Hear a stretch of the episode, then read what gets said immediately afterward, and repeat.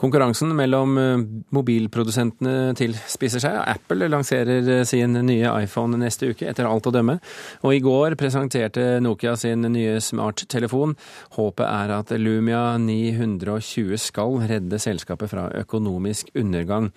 Nokia har nemlig slitt siden Apple lanserte sin første iPhone i 2007, og mobilgiganten har aldri gjenerobret markedet etter sin storhetstid før smarttelefonene. Tore Neseth, eh, redaktør for IT-avisen. Du kom nettopp hjem fra teknologimessen IFA i Berlin eh, tidligere denne uka.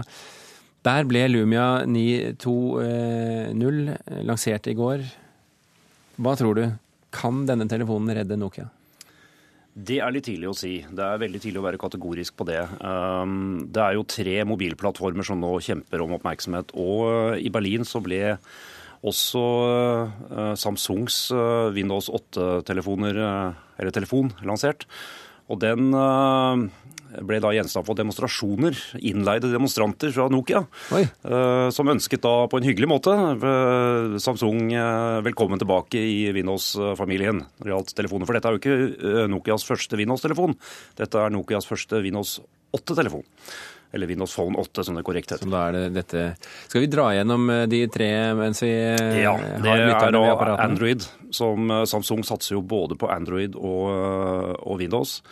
Eh, og så har du da, som du nevnte, Apple. Eh, IOS kalles det. Og så er det da gode gamle Microsoft, som da har, laget, har lenge laget operativsystemet for mobiltelefoner, men med litt varierende suksess. og nå slår de da til med Windows Phone 8, som det er grunn til å ha tro på. Men dette er litt sånn make or break for, for Microsoft også?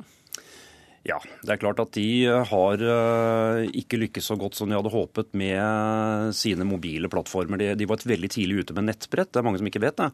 Uh, iPad var ikke det første nettbrettet, det var Windows og Microsoft som var, som var først ute med det. Og, men det solgte ikke noe særlig. De var kanskje litt for tidlig ute, og det var kanskje litt uferdig. Og Det samme har de kanskje lidd under når det gjelder mobiler òg. Det har vært veldig bra produkter som har vært presentert av store produsenter som HTC f.eks. Men, men de har ikke slått an i markedet, kanskje pga. at de ikke har hatt den infrastrukturen som f.eks. Apple har hatt, med altså alle disse appene og disse tjenestene som, som, gjør telefonen brukbar, rett og slett. Det har de ikke vært så gode på som verken Android eller, eller IOS foreløpig, i hvert fall. Men de kommer sikkert etter hvert. Apple og Samsung har jo nå til sammen 85% av markedet for smarttelefoner. Eh, hva skal til for eh, at, eh, at, Nokia skal presse seg inn her? Mange tror at nøkkelen til suksess for Nokia er bedriftsmarkedet. At de rett og slett skal inn i bedriftene som en integrert del av Microsoft Office og Windows, som jo er fortsatt ganske dominerende i, i eh, businessverden. Eh, Så de har en ganske åpen dør inn, altså, rett og slett?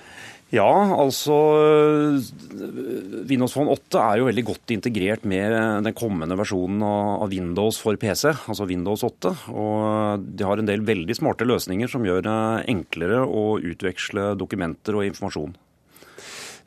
Kan du rekapitulere litt? Hva er det Nokia har gjort galt som gjør at de har kommet sånn i eh, en elendig situasjon?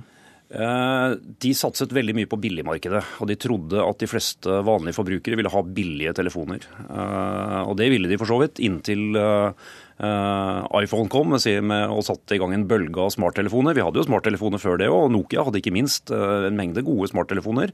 Men de var uh, dyre, eller fryktelig dyre egentlig, en del av dem, og helt opp i 10 000 10 11 000 kroner og sånn. Og så hadde de et grensesnitt som man omtrent måtte være ingeniør for å forstå. Og så, så de var ikke så veldig smarte når alt kom til alt? Nei, de gjorde mye smart, men de var ikke så smarte å bruke, kan man si. Og, men så kom, da, så kom da iPhone, så startet Eh, en bølge av smarttelefoner også hos andre. Og, og, som vi ser, nå er jo Samsung ledende, er de som selger mest. Og eh, de lager uh, veldig gode telefoner med mange smarte løsninger og mange gode apper. Og det har ikke Nokia greid å følge opp i, i, sin, i, sitt univers. De har jo satset på andre operativsystemer enn en Windows også. Egne, altså Migo er et av dem, og det er flere andre Eh, som de har forsøkt seg på. Men de, de, har ikke, de, har, de, har, ikke, fått den utbredelsen. Man har ventet nå på denne Nokia-nyheten, den nye smarttelefonen. Markedet har ventet på den, aksjemeglerne har ventet på den. Og det som skjer når de lanserte den, var at aksjene til Nokia sank i verdi. Hvordan forklarer du det? Eh, det tror jeg nok henger sammen med at de faktisk ikke hadde noen telefon å presentere. at de, at, ja, det ikke selve dingsen de kunne filme den? Ja, ja, nei, det var akkurat som Samsung hadde jo også bare et bilde på veggen, så å si. Og, um, og, det var lite mer journalistene fikk vite, og analytikere og andre som bestemmer, eller iallfall har, er ganske bestemme for prisen, de, de fikk ikke vite så veldig mye detaljer. Tore Neseth eh, fra IT-avisen, tusen hjertelig takk for at du kunne komme og forklare dette for eh, våre lyttere og meg.